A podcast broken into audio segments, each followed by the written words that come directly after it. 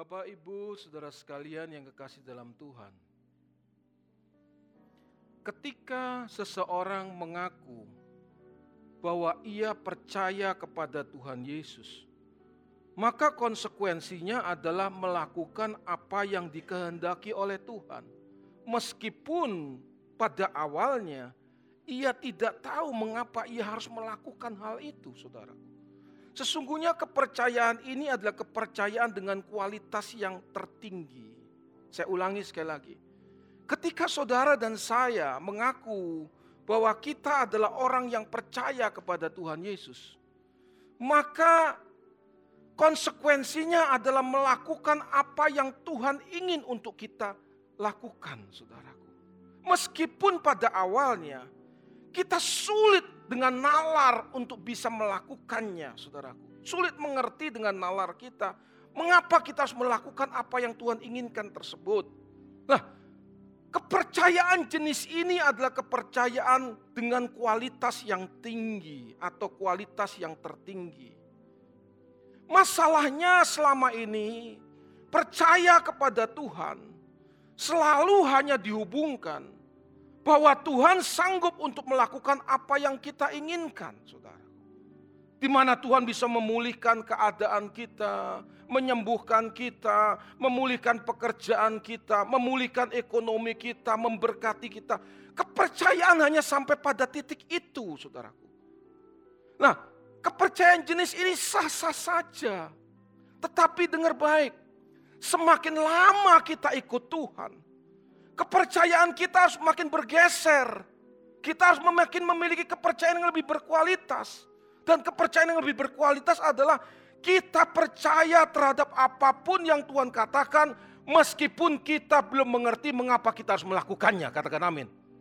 Itu percaya yang berkualitas. Kita percaya apa pun yang Tuhan katakan untuk kita lakukan, kita akan lakukan. Meskipun kita belum mengerti mengapa kita harus melakukannya. Nah, tapi untuk bisa memiliki kualitas kepercayaan seperti ini, kita tentu harus memiliki sebuah hubungan erat dan bersifat pribadi dengan Tuhan. Amin. Kalau saudara dan saya tidak punya hubungan erat dan pribadi bersama dengan Tuhan, tidak mungkin kita memiliki kepercayaan dengan kualitas yang tinggi seperti ini. Nah, hubungan seperti ini tidak mungkin bisa dibangun dengan waktu yang singkat, saudaraku. Tidak mungkin bisa dibangun dengan waktu yang singkat. Mari perhatikan apa yang saya katakan. Kalau saya tanya kepada saudara, apakah saudara percaya kepada saya? Maka pasti semua orang di tempat ini mengatakan, aku percaya dengan Pak Roni. Aku percaya. Makanya saudara ada di tempat ini. Tetapi kalau saya mengatakan sesuatu dan saya meminta saudara untuk melakukan sesuatu, tetapi sesuatu itu menurut nalar anggapan saudara itu berat dan sulit. Belum tentu saudara mau melakukannya. Saudara mengerti apa yang saya maksudkan? Belum tentu saudara mau melakukannya. Hanya orang-orang tertentu yang sudah mengenal saya secara pribadi dalam jangka waktu yang panjang dan lama. Yang mau melakukan apa yang saya inginkan untuk mereka melakukannya. Hubungan seperti ini tidak bisa terbangun dalam jangka waktu yang pendek. Perlu waktu yang panjang dan lama. Di mana dalam proses hubungan tersebut, dengar baik. Saya yang meminta untuk melakukan sesuatu yang menurutnya berat. Saya harus membuktikan bahwa saya bisa dipercayai. Halo? Saya harus membuktikan diri saya bisa dipercayai dalam proses hubungan itu. Kalau saya tidak bisa membuktikan bahwa saya bisa dipercayai, tidak mungkin Meskipun orang dekat dengan saya bisa melakukan, mau melakukannya. Jadi hubungan ini saya mau katakan bersifat eksklusif dan terjalin dalam jangka waktu yang panjang, saudara. Nah, kembali lagi hubungan kita dengan Tuhan. Seharusnya Bapak Ibu Saudara sekalian, semakin lama kita ikut Tuhan dan kita sudah melihat bagaimana perbuatan Tuhan yang ajaib menolong kita tidak pernah terlambat. Tepat pada waktunya. Maka seharusnya kita makin memiliki kepercayaan yang mutlak kepada Tuhan. Meskipun permintaan Tuhan itu terasa berat untuk kita lakukan. Tapi kita harus mau berjuang untuk melakukannya. Karena kita memiliki relasi dengan Tuhan. Katakan amin. Kita memiliki relasi dengan Tuhan. Semakin dalam relasi atau hubungan kita dengan Tuhan. Maka kepercayaan kita kepada Tuhan semakin bulat saudara. Semakin bulat. Jadi hubungan yang semakin kuat dalam, panjang, lama dan kita bisa membuktikan bahwa Tuhan itu luar biasa bisa dipercayai. Maka kepercayaan kita kepada Tuhan itu semakin bulat saudara. Semakin bulat kepercayaan kita kepada Tuhan. Percaya yang makin bulat itu artinya apa pun yang terjadi, apa pun yang Tuhan katakan untuk kita lakukan, kita akan melakukannya meskipun terasa sulit dan berat untuk dilakukan. Jadi percaya itu bukan cuma sekedar kalau kita alami masalah dan kita yakin Tuhan pasti tolong. Tapi percaya yang benar dan yang berkualitas paling tinggi adalah ini. Apa pun yang Tuhan minta untuk kita lakukan, kita akan melakukannya meskipun terasa sulit dan mustahil. Jadi begini Bapak Ibu Saudara sekalian.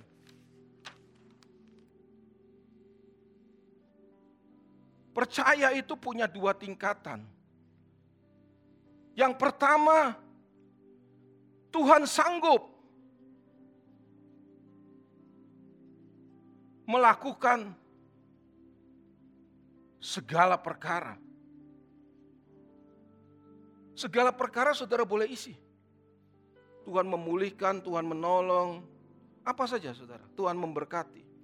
Tetapi dengan berjalannya waktu, percaya kita harus makin berkualitas. Yaitu kita percaya kepada pribadi Tuhan. Kalau kita percaya kepada pribadi Tuhan, maka kita akan melakukan apa pun. Perhatikan kata-kata apa pun yang Tuhan inginkan. Ini adalah percaya yang berkualitas, saudaraku.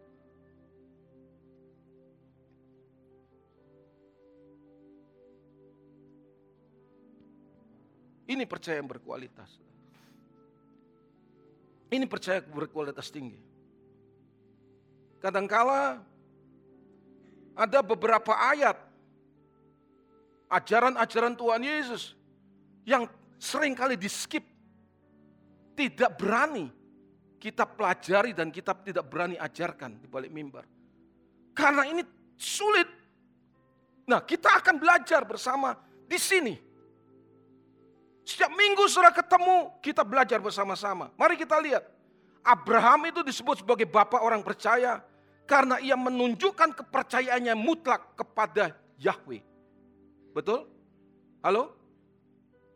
Saudara bersama dengan saya? Karena biasanya kan yang sukanya ini saudara. Ini terus saudara. Yang digali ini terus. Kita gali ini sekarang. Nah Abraham itu disebut bapak orang percaya. Karena ia menunjukkan kepercayaan yang mutlak kepada Elohim Yahweh. Ketika Elohim Yahweh memintanya keluar dari tanah kelahirannya. Ia melakukan perintah Elohim Yahweh tanpa berbantah-bantah. Betul? Tanpa berbantah-bantah. Sejak ia memutuskan keluar dari kota kelahirannya, maka seluruh hidupnya disita untuk mengikuti dan menuruti apa pun yang Elohim Yahweh kehendaki. Apa pun. Sampai pada puncaknya. Dengar baik. Ketika Elohim Yahweh meminta anaknya yang tunggal, yang sudah dijanjikannya kepada Abraham, untuk menjadi korban persembahan maka Abraham pun menyerahkan anaknya yang tunggal. Inilah yang disebut sebagai percaya yang berkualitas. Inilah yang disebut percaya yang berkualitas tinggi.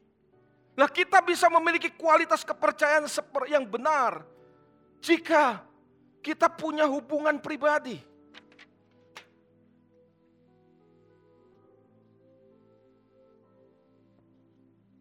Di mana melalui hubungan demi hubungan ini kita bisa melihat bahwa Tuhan itu bisa dipercayai. Nah ini bersifat subjektif, tidak bisa diungkapkan, tapi saudara pasti mengaminkan. Saudara. Halo? Setiap saudara harus punya hubungan itu. Yang kedua, kita bisa melakukan apa yang Tuhan inginkan. Kalau kita tidak punya banyak keinginan. Keinginan. Semakin tidak punya banyak keinginan, semakin kita bisa lebih percaya kepada Tuhan. Saya tidak katakan mudah percaya, tapi semakin kita lebih percaya kepada Tuhan.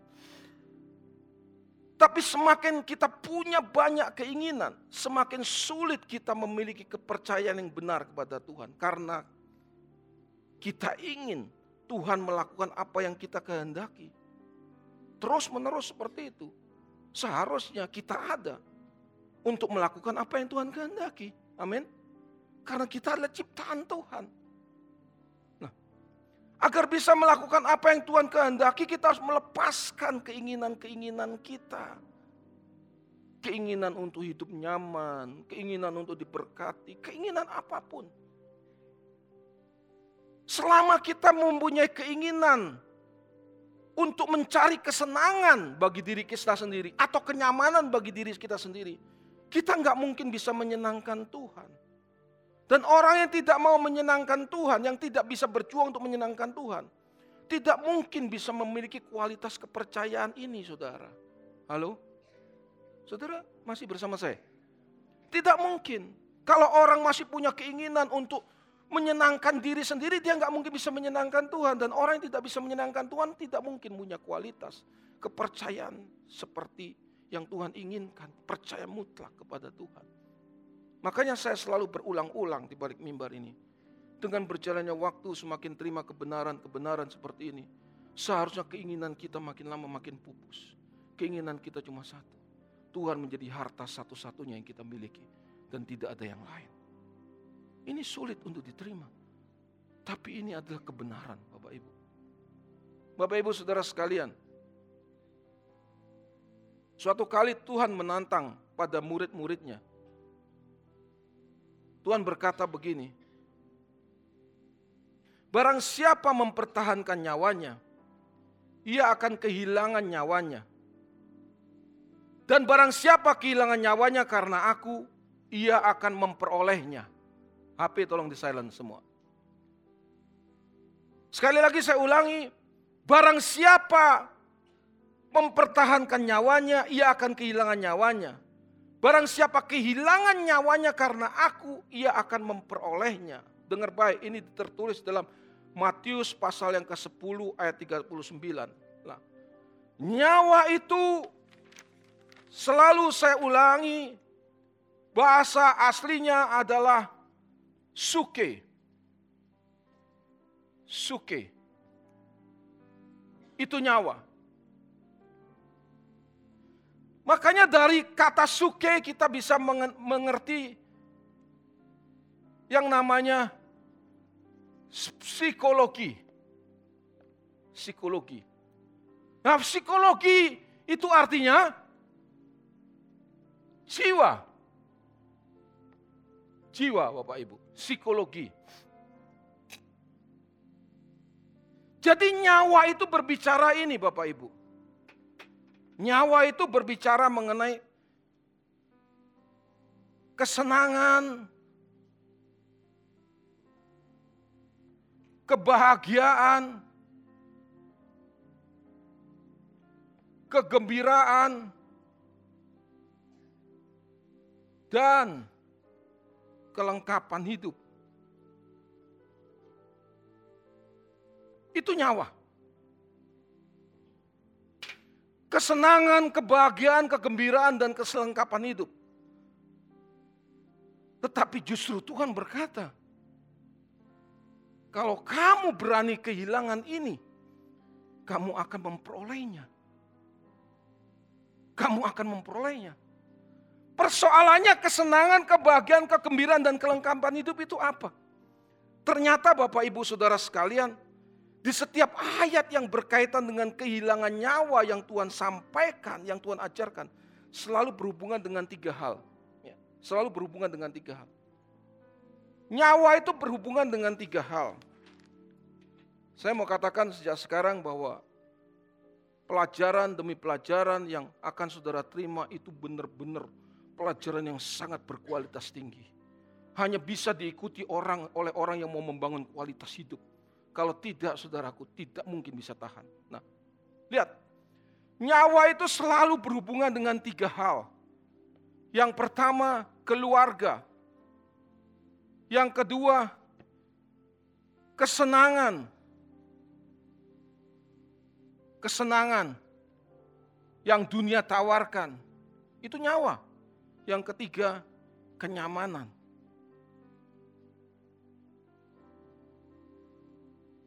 Kenyamanan. Nah Tuhan bilang begini, kita harus berani kehilangan nyawa. Kita harus berani kehilangan nyawa supaya kita bisa memperoleh harus berani kehilangan nyawa karena Tuhan. Nah, mari perhatikan. Saya katakan ini luar biasa ketika saya belajar kebenaran ini. Kalau kita berbicara, mari kita lihat di dalam ayat yang ke-37 supaya saudara bilang, oh ini maksudnya bukan ini bukan maksudnya pembicara, tapi ini maksud Tuhan. Mari kita lihat. Pasal yang ke-10 Matius. Selalu konteksnya tiga ini, saudaraku. Barang siapa mengasihi bapa dan atau ibunya atau lebih lebih daripadaku, ia akan tidak layak tidak layak bagiku. Dan barang siapa mengasihi anaknya laki-laki atau perempuan lebih daripadaku, ia tidak layak bagiku. Itu apa saudara? Keluarga. Keluarga, betul? Mari kita lanjut lagi. Barang siapa tidak memikul salibnya dan mengikut aku, ia tidak layak bagiku. Apa itu? Kesenangan. Kenyamanan hidup. Betul? Kesenangan dan kenyamanan hidup. Ia tidak layak. Puncaknya 39. Barang siapa mempertahankan nyawanya, ia akan kehilangan nyawanya. Barang siapa kehilangan nyawanya, karena aku ia akan memperolehnya. Mari, sekarang kita masuk pada ketegangan-ketegangan yang belum pernah saudara bayangkan. Tapi ini kebenaran. Jadi ketika Tuhan Yesus mengatakan barang siapa mempertahankan nyawanya, ia akan kehilangan nyawanya. Hal itu berarti barang siapa berusaha mempertahankan keluarganya, mencari kesenangan bagi apa yang dunia tawarkan, dan berusaha menciptakan kenyamanan hidup, ia justru akan kehilangan keluarga, kehilangan kesempatan untuk menikmati keindahan setelah kenyamanan hidup yang sesungguhnya yang Tuhan sedang sediakan di kehidupan kekal nanti. Itu maksudnya. Lah,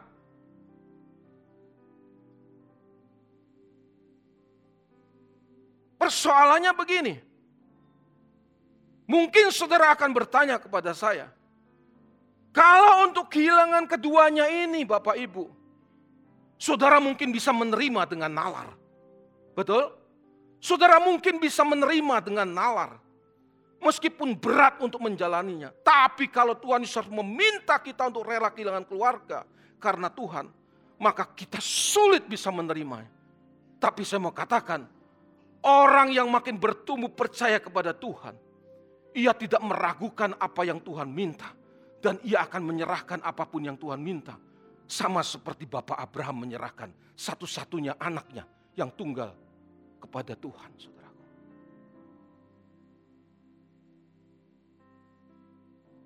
Bapak, Ibu, Saudara sekalian, Keluarga itu bagian dari nyawa kita. Bagi orang tua yang baik, bapak-bapak yang baik di tempat ini, keluarga itu nyawa. Karena kita akan melakukan apa pun juga supaya anak-anak kita bisa memiliki masa depan yang baik. Betul? Betul? Tapi yang dimaksud oleh Tuhan, barang siapa mengasihi anaknya laki-laki, anaknya perempuan lebih daripadaku, itu bukan berarti ia harus menerlantarkan anak-anaknya atau seisi rumah tangganya. Tidak. Karena Alkitab berkata, orang yang melalaikan keluarga adalah orang yang tidak bertanggung jawab. Dan orang-orang seperti ini digolongkan sebagai orang-orang yang tidak mengenal Tuhan. Dan orang seperti pasti masuk neraka. Saya tidak mengajarkan kepada saudara untuk menterlantarkan keluarga. Kita harus bertanggung jawab dan mengasihi keluarga kita dengan penuh tanggung jawab. Tapi kalau, tapi kita tidak boleh, dengar baik, mengasihi keluarga kita, anak istri kita, lebih daripada kita mengasihi Tuhan. Itu yang Tuhan maksud. Lebih daripada kita mengasihi Tuhan. Konteksnya bagaimana saudaraku? Begini, karena ketika kita mengasihi keluarga lebih dari mengasihi Tuhan, tanpa kita sadari Bapak Ibu, justru kita sedang menggiring keluarga atau anak-anak yang Tuhan percayakan kepada kita kepada kebinasaan pada akhirnya tanpa kita sadari. Mungkin sudah baru mengerti, dengar baik apa yang saya adarkan. Inilah yang dimaksud oleh Tuhan dengan berusaha mempertahankan nyawa, tapi justru kehilangan nyawa. Jadi mengasihi Tuhan, melebihi mengasihi keluarga, maksudnya ini. Semua tanggung jawab kita harus kerjakan. Kita harus mengasihi luar biasa anak-anak kita, saudaraku. Tapi setelah kita melakukan semua tanggung jawab kita untuk mempersiapkan masa depan mereka, mengasihi mereka, dan dengar baik ini puncaknya, ketika kita diperhadapkan pada sebuah pilihan untuk mendahulukan kepentingan Tuhan atau kepentingan keluarga, maka kita harus memilih untuk mendahulukan kepentingan Tuhan yang lebih besar. Amin. Konteksnya apa Pak? Ini. Konteksnya ini. Hari-hari ini kita jumpai banyak orang tua berusaha mati-matikan, mati-matian untuk bekerja demi supaya bisa meninggalkan warisan harta sebanyak-banyaknya kepada anak-anaknya. Betul? Betul? Orang tua bekerja untuk siapa? Untuk siapa? Untuk anak-anaknya semua. Dia tidak ingin anaknya bisa menjadi lebih buruk dari dia. Paling tidak harus lebih baik dari dia. Maka ukuran lebih baik selalu berbicara harta, kenyamanan hidup, dan kesenangan. Saudara. Itu selalu ukuran orang dunia. Ya, saudara, tidak salah kita harus berjuang mati-matian untuk keluarga atau anak-anak kita. Tapi kalau harta dan kenyamanan hidup dijadikan satu-satunya tujuan dan ukuran untuk membangun masa depan mereka, maka saudara dengar baik, kita sedang mengarahkan anak-anak kita, hatinya makin melekat dengan dunia. Dan akhirnya sepanjang hidup yang mereka jalani, mereka tidak pernah berusaha untuk menunjukkan penghormatannya kepada Tuhan. Dengan hanya berusaha memberikan warisan harta atau kekayaan, tanpa memberikan warisan keteladanan hidup, maka secara tidak langsung kita sedang menggiring diri kita sendiri dan orang-orang yang kita kasihi, anak-anak kita, keluarga kita, kepada kebinasaan. Karena dengan menciptakan hidup yang nyaman kepada anak-anak kita, maka akan membuat mereka tidak mungkin bisa menghargai didikan dan pembentukan Tuhan. Akhirnya keinginan kita untuk membuat masa depan anak-anak kita menjadi lebih baik. Justru sedang mengarahkan mereka pada kebinasaan. Inilah yang saya katakan. Orang yang berusaha mempertahankan nyawa tapi justru akan kehilangan nyawanya. Saudara masih sama bersama saya. Mengerti? Saudara lihat.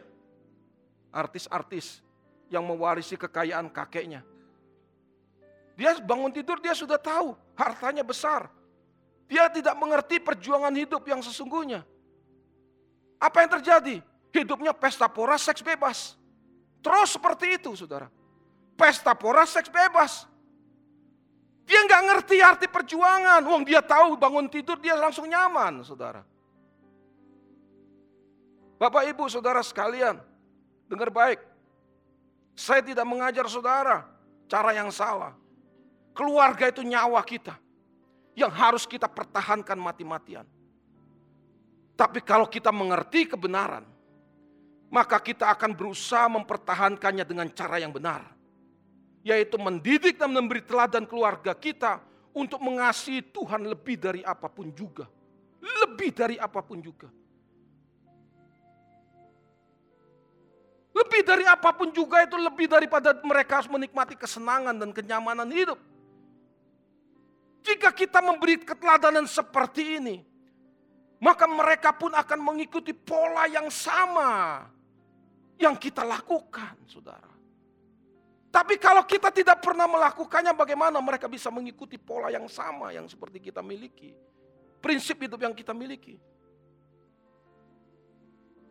Nah, menjalani pola hidup mengasihi Tuhan melebihi apa pun, bahkan melebihi orang yang kita cintai itu tidak mudah. Inilah yang membuat kita serasa kehilangan nyawa. Karena kita harus berani memutuskan untuk melepaskan kesenangan yang bisa kita nikmati bersama dengan keluarga demi untuk kepentingan Tuhan yang lebih besar. Apa itu demi untuk kepentingan yang lebih besar? Mari kita perhatikan. Ada saatnya kita ingin memiliki waktu bersama dengan keluarga. Tetapi kita harus dipertahadapkan pada pilihan. Aku harus melayani. Aku harus melayani mungkin kita akan meninggalkan waktu itu bersama keluarga. Kita akan tunda besok atau kita majukan satu hari sebelumnya untuk bersama-sama demi sebuah pekerjaan Tuhan yang lebih besar. Amin. Kita nggak akan korbankan waktu, uang, tenaga, pikiran yang harus kita bagikan demi kepentingan Tuhan yang lebih besar. Hanya untuk keluarga kita. Hanya untuk keluarga kita. Ini nggak gampang saudara. Dengar baik, ini nggak gampang. Berat, berat, berat, berat. Ketika kita mengumpulkan uang, tapi kita melihat ada kepentingan yang lebih besar yang harus kita lakukan. Karena dengan uang ini kita bisa menolong masa depan orang maka kita harus rela mengurangi jatah. Melepaskan jatah yang akan kita berikan atau kita nikmati bersama dengan keluarga demi sebuah kepentingan yang lebih besar. Katakan amin. Ini disebut rela kehilangan nyawa. Inilah yang disebut rela kehilangan nyawa. Hanya orang yang sedang ada dalam titik perjuangan ini yang bisa mengerti Bapak Ibu. Tapi orang yang terus-menerus ingin berbuat banyak untuk keluarga, anak-anaknya semua dihabiskan. Demi supaya memperoleh masa depan yang lebih baik buat keluarganya. Nggak mungkin mengerti. Sesungguhnya pengajaran ini tidak mudah untuk bisa dimengerti. Tapi saya harus mengajarkan kepada saudara. Tapi sebelum saya mengajarkan kepada saudara, saya harus lebih dulu ada di depan untuk menghidupinya. Ketika kita mengajak keluarga kita untuk berani kehilangan nyawa atau kesenangan yang bisa kita nikmati bersama mereka, maka kita justru melatih mereka untuk mendahulukan Tuhan lebih daripada mendahulukan kepentingan mereka sendiri. Amin. Lebih daripada mendahulukan kepentingan sendiri. Meskipun pola hidup seperti ini seperti kehilangan nyawa. Dengar baik, tapi kita sedang melatih diri kita dan keluarga kita untuk bersama-sama rela kehilangan nyawa bagi Tuhan. Tetapi waktu kita rela kehilangan nyawa bagi Tuhan, inilah yang dikatakan oleh Tuhan. Kita justru akan memperolehnya kembali bersama-sama dengan orang yang kita kasih di dalam kerajaan sorga nanti. Berikan tepuk tangan yang meriah buat Tuhan. Kita akan menikmatinya saudaraku. Bersama-sama. Bersama-sama. Tuhan aku rela mengosongkan bejana jiwaku ini dari segala keinginanku dan semua dan semua hasrat pribadiku. Tuhan penuhi aku. Dengan gairah surgawi. Agar apa pun tak ku ingini lagi hanya engkau hartaku abadi. Kita harus jadikan Tuhan sebagai harta kita abadi. Ingat Bapak Ibu, kita tidak mungkin bisa melindungi keluarga kita satu kali 24 jam. tapi kita bisa menggiring mereka bersama-sama membangun hidup yang makin berkenan kepada Tuhan. Jika kita menggiring keluarga kita, orang-orang yang kita kasih, untuk sama-sama berjuang dengan kita, membangun sebuah kehidupan yang berkenan. Dengar baik, di mana pun anak-anak kita berada, di mana pun kita berada, kita pasti aman. Katakan amin. Kita pasti aman. Bahkan mungkin dunia ini tidak menjamin keamanan kita. Tapi Tuhan menjaminnya. Kalaupun tidak bisa memperoleh keamanan di dunia ini, kita tetap akan memperoleh keamanan di kerajaan sorga bersama-sama dengan Tuhan untuk selama-lamanya, saudara. Itu yang luar biasa. Setelah kita jadi orang percaya, terus perhatikan apa yang saya ajarkan. Setelah kita menjadi orang percaya, maka kita harus menyadari bahwa kita juga punya keluarga lain yang harus kita perhatikan. Betul? Ada keluarga lain. Makanya ketika Tuhan sedang mengajar kepada banyak orang, Alkitab berkata ibu dan saudara-saudaranya ingin menemuinya tapi tidak sanggup untuk apa namanya sampai kepada Tuhan Yesus, maka ada orang yang berkata, ibumu dan saudara-saudaramu sedang mencari engkau. Tuhan Yesus berkata apa? Siapa ibuku? Siapa saudara-saudaraku? Dan dia menunjukkan, inilah ibuku dan saudara-saudaraku. Dia menunjukkan kepada siapa? Murid-muridnya. Inilah ibuku dan saudara-saudaraku.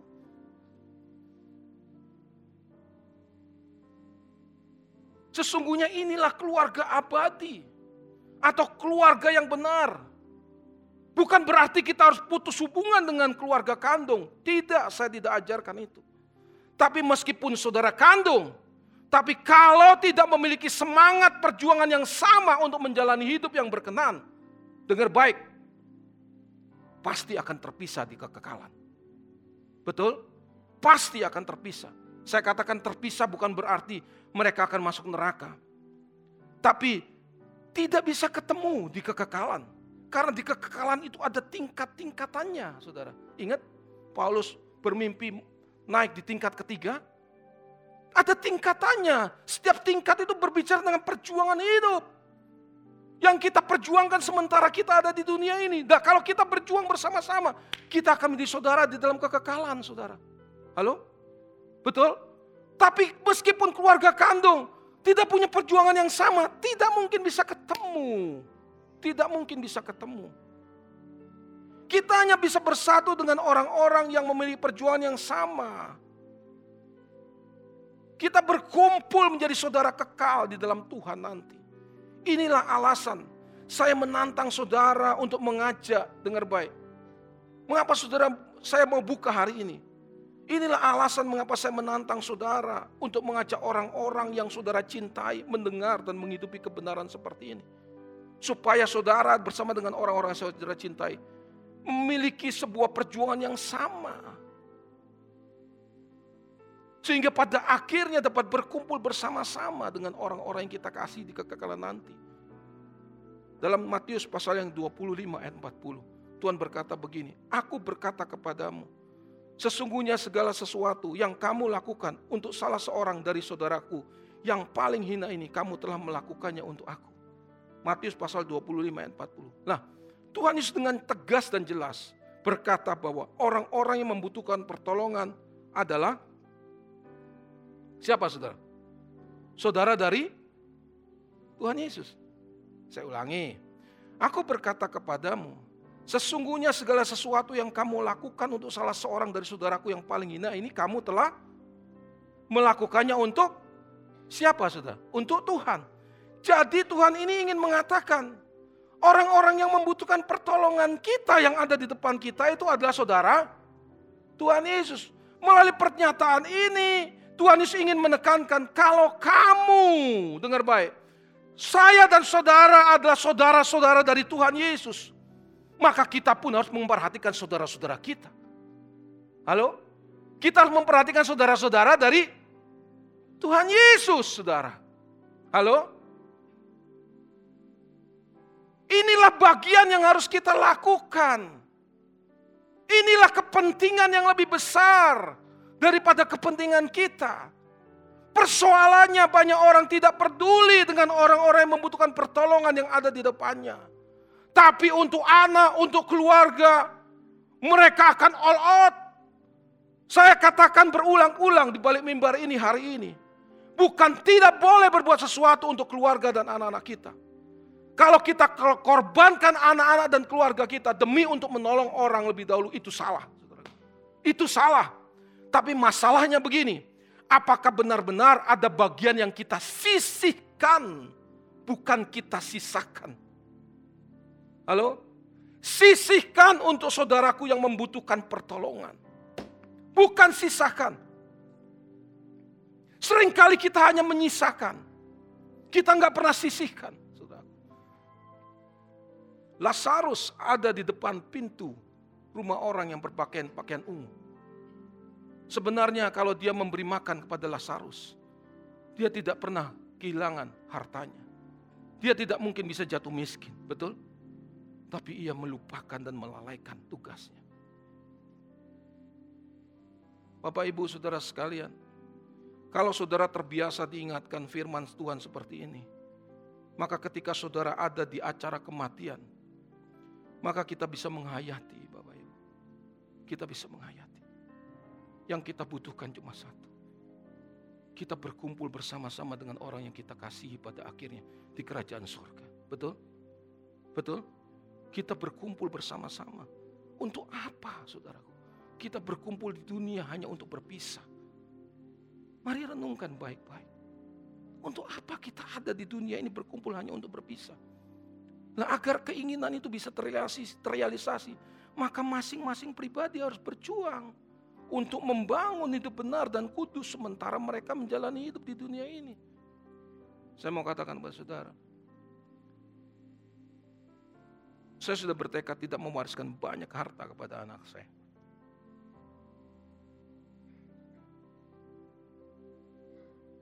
Saya mau praktekkan ajaran Tuhan ini. Yang saya wariskan ada teladan kehidupan dan pengenalan akan Tuhan. Maaf saya katakan seperti ini bukan supaya saya disanjung oleh saudara. Tapi saya katakan ini saya menunjukkan betapa seriusnya kita harus berjuang dan mengajak orang-orang yang kita cintai untuk berjuang serius. Supaya pada akhirnya kita bisa berkumpul di keabadian. Supaya kita bisa berkumpul di keabadian. Ada bagian yang menjadi milik Tuhan. Yang harus kita bagikan kepada saudara-saudara Tuhan Yesus.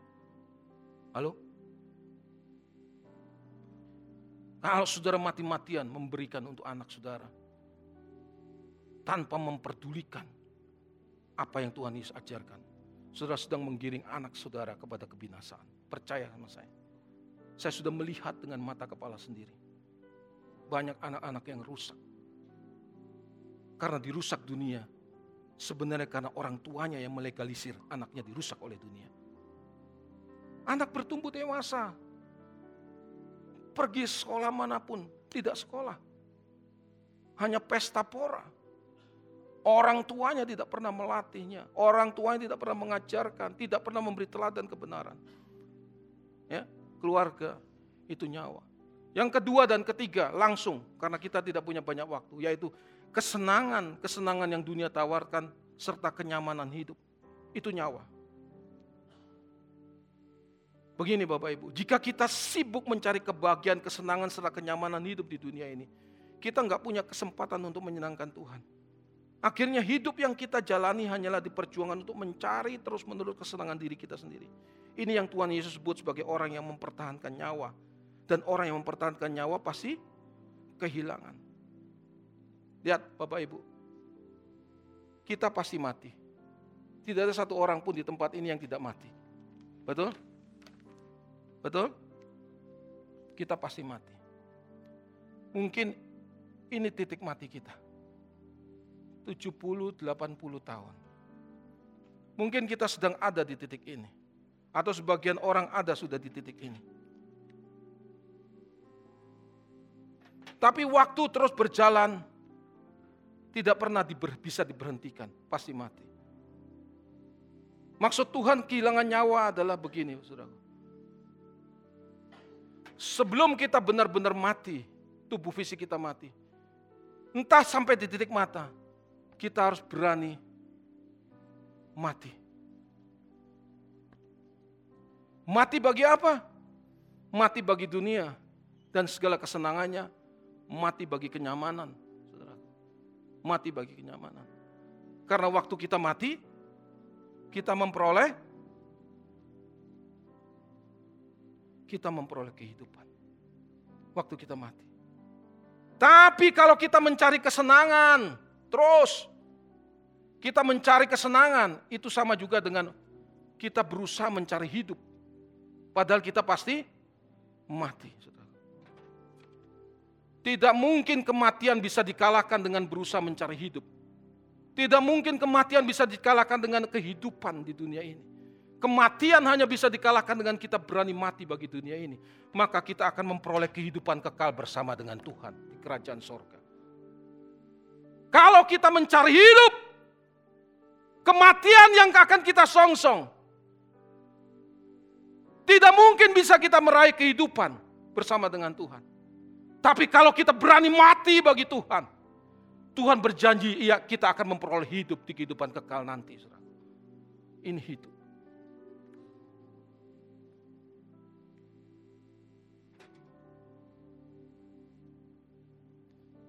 Bapak Ibu Saudara saya yang terkasih. Saya sadari bahwa kebenaran yang saya sampaikan ini sangat bertentangan dengan prinsip dunia. Bahkan dengan prinsip kebanyakan orang Kristen sekalipun. Dan kita akan cenderung akan dianggap sebagai orang yang ekstrim dan sesat. Mungkin bahkan sebagian besar dari saudara di tempat ini juga sulit untuk bisa menerimanya. Tapi Alkitab menunjukkan, sejak zaman Tuhan Yesus sekalipun, ada banyak orang yang tidak sanggup menerima ajaran, bahkan murid-murid Tuhan Yesus sekalipun. Ketika Tuhan Yesus berkata tubuhnya adalah benar-benar makanan, darahnya adalah benar-benar minuman, tidak banyak orang yang sanggup menerima. Dan mereka berkata demikian, perkataan ini keras. Siapa yang sanggup untuk mendengarkannya? Sejak saat itu Alkitab berkata, banyak dari mereka meninggalkan. Bahkan murid-murid Tuhan Yesus pun meninggalkan Tuhan Yesus. Tetapi di tengah-tengah banyak orang meninggalkan. Tuhan bertanya kepada 12 muridnya. Apakah kalian tidak mau pergi juga? Dan saudara perhatikan apa yang Petrus katakan. Kepada siapa kami akan pergi? Perkataanmu adalah perkataan hidup dan kekal. Perkataan Tuhan Yesus adalah perkataan hidup yang kekal. Ini yang saya mau tekankan. Mungkin ketika saudara mendengar ajaran-ajaran seperti ini terasa berat. Tetapi dengar baik. Dalam hati kecil saudara. Saudara mengatakan, memang ini yang benar. Ini yang benar. Tapi sulit untuk dilakukan. Karena kalau kita mau melakukan hal itu berarti kita harus rela kehilangan nyawa. Justru inilah kesempatan yang baik untuk saudara dan saya untuk menunjukkan kepercayaan kita kepada Tuhan, yaitu kita mau berjuang untuk melakukan apa yang Tuhan inginkan untuk kita lakukan. Amin. Kita berjuang, saudara. Kalau kita tahu Tuhan sudah all out buat kita, menebus kita, kita pun harus menunjukkan sebuah keseriusan dan perjuangan yang sama seperti yang sudah Tuhan lakukan sebagai tanda bahwa kita menghargai perjuangan Tuhan itu kepada kita, saudara. Betul? Sebagai tanda kita menghargai. Bapak ibu saudara sekalian, suatu hari saya melihat di medsos dan ini kuat sekali berbicara kepada saya. Ada seekor anjing, saudara. Anjing ini anjing yang benar-benar sudah kalau dibiarkan beberapa hari pasti mati. Pasti mati. Karena tidak ada yang merawatnya, terlantar. Tiba-tiba ada satu orang yang datang. Dan menangkap anjing ini, mengadopsinya, memandikan, memelihara, ditinggalkan di rumah. Sampai anjing ini jadi bagus, saudaraku. Awalnya tidak ada seorang orang pun yang mau untuk menerima anjing ini, saudara. Tapi dipelihara, saudaraku. Bahkan orang Manado dan Batak sekalipun tidak mau. Karena anjing ini tidak ada dagingnya, saudaraku. Jadi kalau dipotong pun tidak ada gunanya, saudara. Itu ya. Tidak ada gunanya. Ya, tidak ada gunanya dipotong. Lebih mahal bayar ongkos potongnya, saudara, dan ongkos masaknya. Ya, saya cuma mau katakan betapa gambaran ini sebenarnya menjadi sebuah gambaran untuk kita memandang Tuhan. Tapi begitu dipelihara berbulan-bulan sampai anjing ini bertumbuh bagus. Dan apa yang menjadi kesukaan anjing ini saudara? Cuma satu. Ketika tuannya ada di rumah, tuannya pulang, dia bermain dengan tuannya. Bermain dekat dengan tuannya saudara. Bermain dekat sekali dengan tuannya. Membuat tuannya happy, apa pun yang diminta oleh tuannya, dia akan lakukan. Ambil ini dia akan lakukan saudara. Saya berkata kepada Tuhan, Tuhan, saya mau jadi anjing ini. Saya bilang begitu. Waktu saya lihat itu saya bilang Tuhan saya mau jadi anjing ini. Sebagai tanda saya menunjukkan terima kasih saya kepada Tuhan. Sampai hari ini saya ada. Saya bisa terima kebenaran seperti ini, saya mau jadi anjing ini saudara. Dan saya mau ajak keluarga yang saya kasih dan saudara yang mendengar kebenaran ini. Untuk berjuang bersama-sama dengan saya. Enggak apa-apa kita harus jadi anjing seperti itu. Yang penting kita jadi anjingnya Tuhan. Amin. Kita jadi anjingnya Tuhan. Masalahnya banyak orang beranggapan harta yang paling berharga itu keluarga. Makanya di mana-mana banyak pembicara mengajarkan bagaimana membangun keluarga yang bahagia. Ingat Bapak Ibu, sebahagia bahagia kita membangun keluarga di bumi kita pasti berpisah. Betul? Tapi kalau kita menghidupi kebenaran, kita akan berkumpul kembali bersama-sama dengan keluarga yang kita kasih. kita akan berkumpul. Makanya kita harus menjadikan Tuhan sebagai harta yang paling berharga dalam hidup kita. Masing-masing juga berjuang, anak-anak kita berjuang sampai pada titik penghayatan seperti yang kita hayati. Kalau kita tidak pernah merindukan dunia baru yang Tuhan sediakan, kita tidak mungkin berani melepaskan kesenangan dan kenyamanan yang dunia tawarkan. Jadi kerinduan hati kita harus makin kuat, yaitu berani melepaskan kesenangan yang dunia tawarkan. Karena kalau kita tidak berani melepaskan yang dunia tawarkan, maka dunia akan mewarnai diri kita. Dengar baik saudara, Paulus memiliki kerinduan yang sangat kuat untuk bersama-sama dengan Tuhan.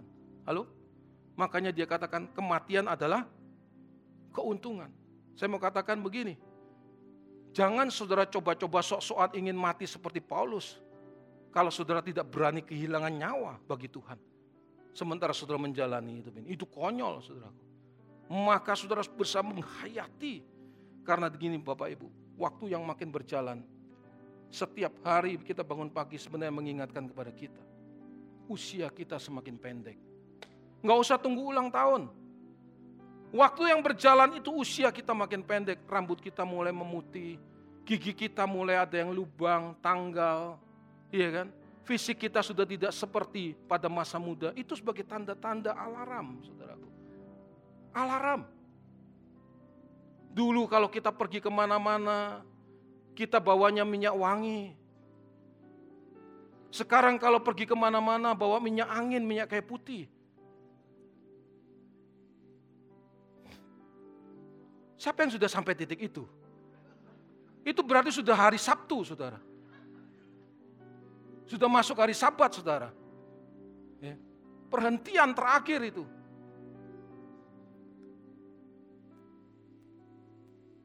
Makanya saudara, saudara ada di, di tempat ini diajar untuk menerima berkat yang tidak ternilai. Tidak ternilai. Saudara mau bayar berapa tidak ternilai, saudara. Karena ini akan saudara nikmati sampai kehidupan kekal. Makanya saudara diajar dan belajar kebenaran supaya makin mengenal Tuhan dengan benar. Hanya orang yang mengenal Tuhan maka selera jiwanya akan berubah dari keinginan untuk mencari hidup, mencari hidup kepada keberanian untuk tidak mencari hidup lagi tapi mati. Karena dia tahu waktu dia mati bagi dunia, dia akan hidup di kehidupan kekal bersama dengan Tuhan. Jadi kita harus berani mempersembahkan seluruh hidup kita. Baik waktu, tenaga, uang, pikiran, demi supaya kita bisa memperoleh kehidupan di dunia yang akan datang, saudaraku. Hanya bisa terjadi kalau kita menjadikan Tuhan sebagai tujuan hidup kita. Betul? Tujuan hidup kita. Kalau kita masih punya tujuan di dunia ini, kita nggak mungkin bisa mati bagi dunia. Kita akan terus mencari hidup di dunia ini. Bahkan sudah mau mati pun kita masih cari hidup. Kaulah tujuanku.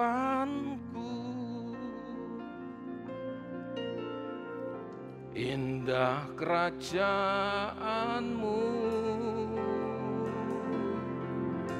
di ujung jalanku nampak matahari kehidupan yang tak pernah terbenam. Sekali lagi kaulah tujuanku. Kaulah tujuh. Katakan indah kerajaanmu Tuhan. Di ujung jalanku. Nampak matahari kehidupan yang tak pernah terbenam. Makanya Bapak Ibu, selama kita masih diberi kehidupan, jangan sampai kita sia-siakan kehidupan kita di dunia ini dengan mencari kesenangan buat diri kita terus-menerus. Kita harus punya tekad yang sangat kuat untuk menjalani hidup yang tidak bercacat celah. Tinggalkan dosa-dosamu yang masih mengikat hidupmu. Jangan tunda dan miliki tekad yang sangat kuat melebihi tekad menginginkan apa pun untuk sungguh-sungguh hidup bagi Tuhan. Sejak sekarang, sejak sekarang pindahkan hatimu ke sorga. Karena setiap saat kita bisa selesai. Saudara perhatikan orang yang berdiri di balik mimbar bisa mati tiba-tiba. Menggunakan masih presentasi bisa mati. Wartawan yang menyampaikan berita tiba-tiba bisa mati. Berjalan di pinggir jalan bisa mati, menyetir mobil bisa mati.